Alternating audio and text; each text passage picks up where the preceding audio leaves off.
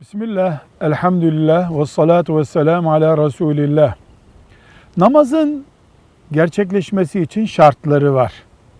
Orucun şartları var. Peki bir Müslümanın bir bayanla nişanlanma teklifi yapması için de şarttan söz edilebilir mi? Yani nişanlanmanın da ön şartları var mı? Var. Bir kere bir başkası ile nişanlanma görüşmesi yapan bir bayana nişanlanma teklifi yapılmaz.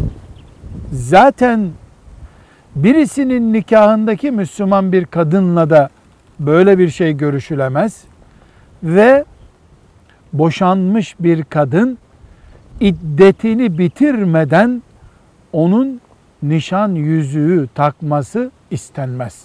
Böyle bir görüşme yapılamaz. Bu engeller yoksa nişan için ortam uygun demektir. Velhamdülillahi Rabbil Alemin.